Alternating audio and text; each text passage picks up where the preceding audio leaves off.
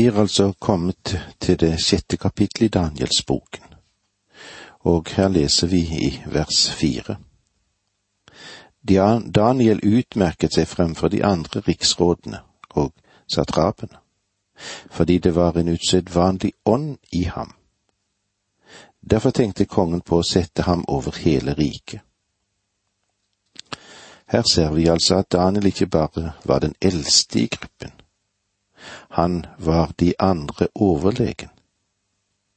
At han eide en usedvanlig ånd, betyr at Daniel var et åndsfullt menneske. Kongen hadde slik tiltro til ham at han plasserte Daniel som nummer to i riket med det som har med posisjon og makt å gjøre. Men så skjer det jo noe.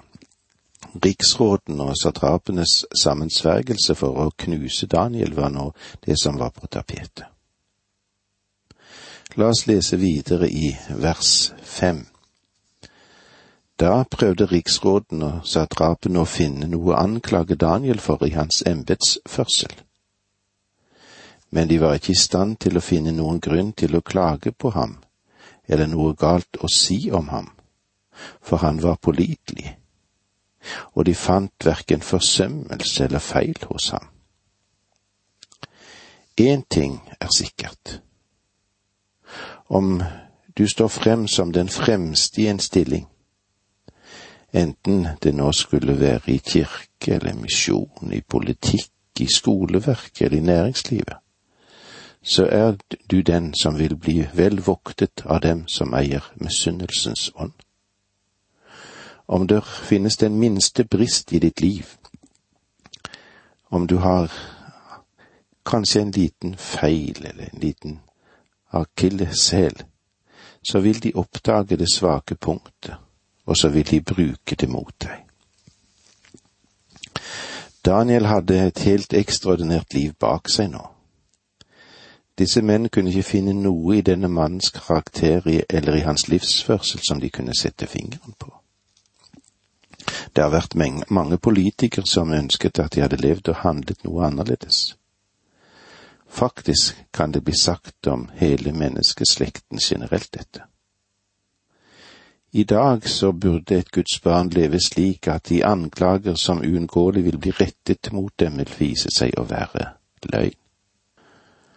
Verken du eller jeg kan hindre mennesker i å snakke om oss, men du og jeg, vi kan leve slik at det som de sier, det, det blir slik at de blir løgnere når de snakker om deg.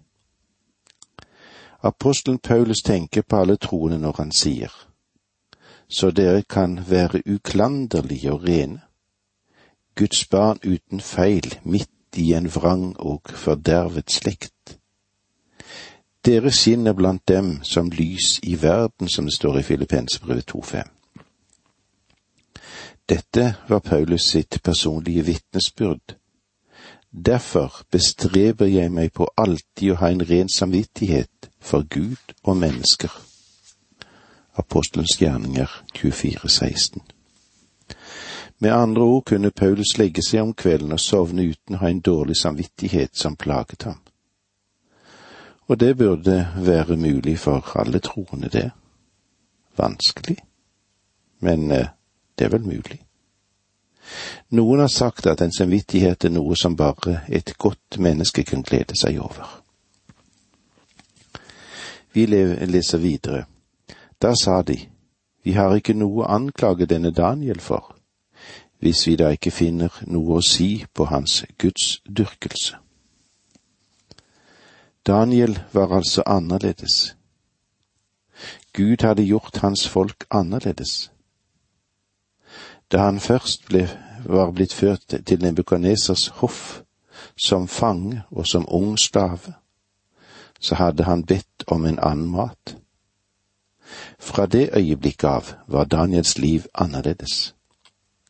Og disse menn, de var oppmerksomme på dette, og de sa, om vi skal makte å finne noe galt med ham, så må det være i hans gudsdyrkelse. Og eh, da mente de altså noe som de kunne anklage ham for kongen. Det eneste svake punkt hos Daniel, slik iallfall disse politikerne så det, dreide seg om hans religion. Dette var noe av det beste ved Daniel som ble talt ondt om. De visste at Daniel var trofast mot Gud og var avhengig av ham. Hans bønneliv var noe som var velkjent. Derfor prøver de nå å skape en konflikt mellom kongen og Daniels religion. Vi leser videre i versene syv og åtte her i kapittel seks. Nå skyndte riksråden og satrapene seg til kongen og sa til ham, Kong Darius leve evig. Alle riksrådene, stattholderne, satrapene, rådsherrene og landshøvdingene har rådslått sammen. Kongen bør beslutte å gi et strengt påbud om at enhver som i 30 dager ber en bønn til noen annen enn deg, konge, enten det er til en gud eller et menneske, han skal kastes i løvehulen. Denne sammensvergelse disse simple politikerne la, var svært smart. Kong Darius var en god mann. Det kan historien for øvrig fortelle oss, og det får vi også inntrykk av når vi leser i Daniels bok. Men Darius hadde et svakt punkt, og slik er det kanskje med de fleste av oss. Og det var forfengelighet. Han lot seg kjøpe av smiker. Disse mennene smigret Darius, og han falt for det. Han tenkte som så, dette er jo storartet. Så ga han en forordning, og så laget de en statue av kongen. Han opphøyde seg dermed til en stilling som Gud, og bønn skulle bare rettes mot ham. Versene ni og ti Gi nå et slikt påbud, konge, og skriv det opp, så det etter medernes og persernes uforanderlige lov ikke kan oppheves. I samsvar med dette satte Darius opp et skriv med et slikt påbud. Hva er det vi opplever her? Jo, at Darius ga etter for sin svakhet. Og nå hadde dette dekret gått ut, signert av kongen. Og eh, det kan ikke forandres. Selv ikke kongen i medernes og persernes rike kunne den gang forandre de påbud de selv hadde gitt, for det ville jo bety at de i egenskap av guder gjorde feil og det måtte jo ingen av dem gjøre. Dette satte Daniel i en fryktelig vanskelig situasjon. Vi vil nå se på dette som har med Daniels bønn og riksrådene og satrapenes anklager. Vi leser videre i vers elleve. Så snart Daniel fikk vite at skrivet var sendt ut, gikk han inn i huset sitt. I takkammeret hadde han åpne vinduer som vendte mot Jerusalem. Tre ganger om dagen falt han på kne for sin Gud med bønn og lovprisning, akkurat som han hadde gjort før. Nå skal du legge merke til Daniels reaksjon på denne nye loven. Han gjorde ikke noe som var tåpelig eller nytt og uventet da han åpnet sine vinduer. For dette hadde han gjort i årevis. Han ville ganske enkelt ikke bøye seg for andre guder. Han handlet ikke på en feig måte og inngikk ingen kompromisser ved å lukke vinduene, men fortsatte med sitt vanlige bønneliv. Legg òg merke til at det står at han falt på kne for å be. Bønnestilling drøftes av og til, og her får vi kanskje et problem. Kanskje noen og enhver får et problem. Jeg tviler på om bønnestillingen er det viktige. Victor Hugo han sa det på denne måten, sjelen er på sine knær mange ganger uansett hvordan legemet har det. Holdningen i denne manns ånd er det som er virkelig og viktig. Men om du vil velge deg en bønnestilling, så er det å knele antydet som en mulighet her. Og med disse ordene sier vi takk for nå, må Gud være med deg. Dette undervisningsprogrammet består av to deler. Åge Nevland fortsetter nå med andre del av dagens undervisning. Vi er i Daniels bok, vi er i det sjette kapitlet, og vi er til stede når Daniels bønn foregår og eh, vi har òg sett på lite grann hvordan riksrådenes og satrapenes anklager kommer. Så snart Daniel fikk vite at skrivet var sendt ut, gikk han inn i huset sitt. I takkammeret hadde han åpne vinduer som vendte mot Jerusalem. Tre ganger om dagen falt han på kne for sin Gud med bønn og lovprisning, akkurat som han hadde gjort før la du merke til at Daniel var vendt mot Jerusalem. Hele Daniels lengsel og livsinnstilling gikk i den retning, og han hadde ikke til hensikt å endre på det fordi om Darius hadde gitt en ny lov. Når Guds folk, jødene, var borte fra tempelet i Jerusalem, skulle de be med ansikt i den retningen som tempelet lå. I dag har ingen jordisk plett noen preferanse fremfor noen annen det så. For eh, Jesus sa det på denne måten. Dere skal verken tilbe Faderen på dette fjell eller i Jerusalem. Gud er ånd, og den som tilber ham, må tilbe i ånd og sannhet, som det står i Johannes 4, 21 og 24. La oss lese videre i Daniels bok i det sjette kapitlet av vers tolv. Da kom disse mennene farende inn og fant Daniel mens han ba og påkalte sin Gud. Disse mennene, hva gjorde de? Jo, de ventet på Daniel. De holdt ham under oppsikt, og det var egentlig et kompliment for ham. Denne mannen hadde et renommé og de hadde følelsen av at han ikke ville prisgi sin egen overbevisning. Vi leser videre fra vers 13. Så gikk de frem for kongen og sa, Konge, har du ikke sendt ut påbud om at enhver som i 30 dager ber til noen annen enn deg, konge, enten det er til en gud eller et menneske, han skal kastes i løvehulen? Kongen svarte jo, det står fast etter medeernes og persens ugjenkallelige lov. Da sa de til kongen. Daniel, en av de bortførte fra Juda, bryr seg verken om deg eller det påbudet du har sendt skriv om. Tre ganger om dagen ber han sin bønn. Da kongen hørte det, ble han ille til mote og tenkte på hvordan han kunne redde Daniel.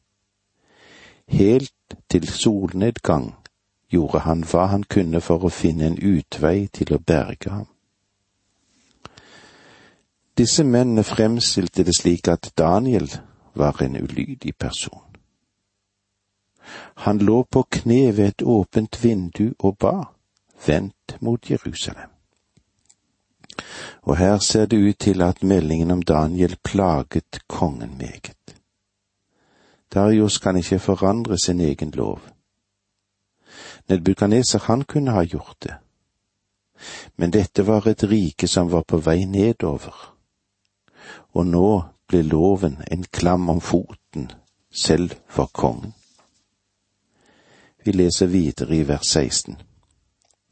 Da kom disse mennene faren inn til kongen og sa til ham, Konge, husk det er en lov hos medeerne og perserne at ikke noe påbud som kongen har gitt, og ingen beslutning som han har tatt, kan gjøres om igjen. Kan du tenke deg for en situasjon som de nå var kommet opp i? Daniel skal kastes til løvene, og det er ikke noe som kongen kan gjøre med det. Vi går nå videre inn i dette kapitlet, i sjette kapitlet, og vi vil se hvordan det er med Daniel når han kastes i løvehulen mot Darios ønske. Vers 17 Så befalte kongen at de skulle hente Daniel og kaste ham i løvehulen. Kongen sa til Daniel, Måtte din Gud, som du stadig dyrker, frelse deg. Jeg er vel av den oppfatning at kongen ikke helt trodde det han sa. La du merke til det, det var kanskje ikke så veldig helhjertet. Det var noe halvhjertet over dette, slik mange av oss kan opptre òg i dag. Vi sier til noen Herren vil nok ta vare på deg, men eh, vi er i en viss klemme. For det er ikke sikkert at vi ville ha stolt på ham i en lignende situasjon. Men kong Darius var kommet langt i den retningen som det var å lære Gud å kjenne. Han erkjente at Daniels Gud var allmektig og suveren og kunne fri ham ut. Han så også at Daniel var trofast mot Gud. Daniels vitnesbyrd ved dette splittende hoffet, der to makter forsøkte å harmonisere sin virksomhet, var ikke mindre enn et under. Hans liv, uberørt og trygt forankret, var et kraftig vitnesbyrd om Guds frelsende nåde. Vers 18 De hentet en stein og la den over åpningen til hulen. Kongen forseglet den med sitt eget og sine stormenns seil, så det ikke kunne gjøres noen forandring med Daniel. De forseglet altså åpningen, og selv kongen kunne ikke bryte det seilet. Daniel tilbrakte natten blant løvene. Her var det ingen tannløse, utlevde løver som ikke tok initiativ. Det var villdyr, og sikkert var de utsultet for å være best mulig egnet til angrep når noen ble kastet ned i dem. Daniels løver, de hadde tenner, og de var kampvillige. Men eh, det var det tryggeste stedet den natten, var likevel i løvehulen. Jeg tror òg sannelig at Daniel fikk seg litt søvn. Han sov kanskje trolig i Guds varetekt. Og det er interessant òg å legge merke til at kongen var mer urolig enn Daniel var, og kanskje i større fare. Daniel beskyttes i løvehulen og fries fra den, er det overskriften vi nå kan sette. Vers 19 Deretter gitt kongen til sitt slott og fastet hele natten. Han lot ingen av sine medhustruer komme inn til seg, og han fikk ikke sove. Kongen var nå kommet opp i en fryktelig klemme, og det som hadde brakt ham dit, var egentlig til Daniel. Hva var det da? Jo, det var hans egen forfengelighet. Men jeg går ut fra at Darius også hadde stor sympati for Daniel i likhet med sine tidligere herskere. Dette var en mann en kunne stole på. Vi leser videre versene 20 og 21.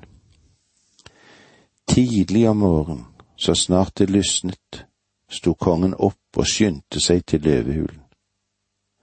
Da han kom bort til den, ropte han bekymret på Daniel og sa til ham, Daniel, du som er tjener for den levende Gud, har din Gud, som du stadig dyrker, kunnet frelse deg fra løvene? Jeg vet ikke om kongen egentlig ventet at Daniel skulle svare. Men Daniel, frisk, utsovet og ved godt mot, svarte, som det står i versene 22 og 23. Da svarte Daniel, Kongen leve evig. Min Gud sendte sin engel og lukket løvenes skap, så de ikke har gjort meg noe vondt. For jeg er funnet uskyldig for ham, og mot deg, konge, har jeg heller ikke gjort noe galt. Kongen leve evig var Daniels høflige og respektfulle hilsen. Kan du tenke deg for en situasjon? Etter at han var blitt kastet ned i løvehulen av kongen, så sier han kongen leve evig. Det var som om Daniel ville si konge, har du hatt en god natt? Og det hadde ikke kongen. Men Daniel, han hadde hatt en god natt. Daniel hadde klart fått den samme visshet som hans tre venner hadde hatt det da de var i den brennende ovnen, og Gud, han ville fri ham ut. Jeg tror at en engel som det er snakk om her, vel var den samme som Nebukaneser hadde sett i ildovnen. Den preinkarnerte Kristus selv. Og med disse ordene sier vi takk for nå, må Gud være med deg.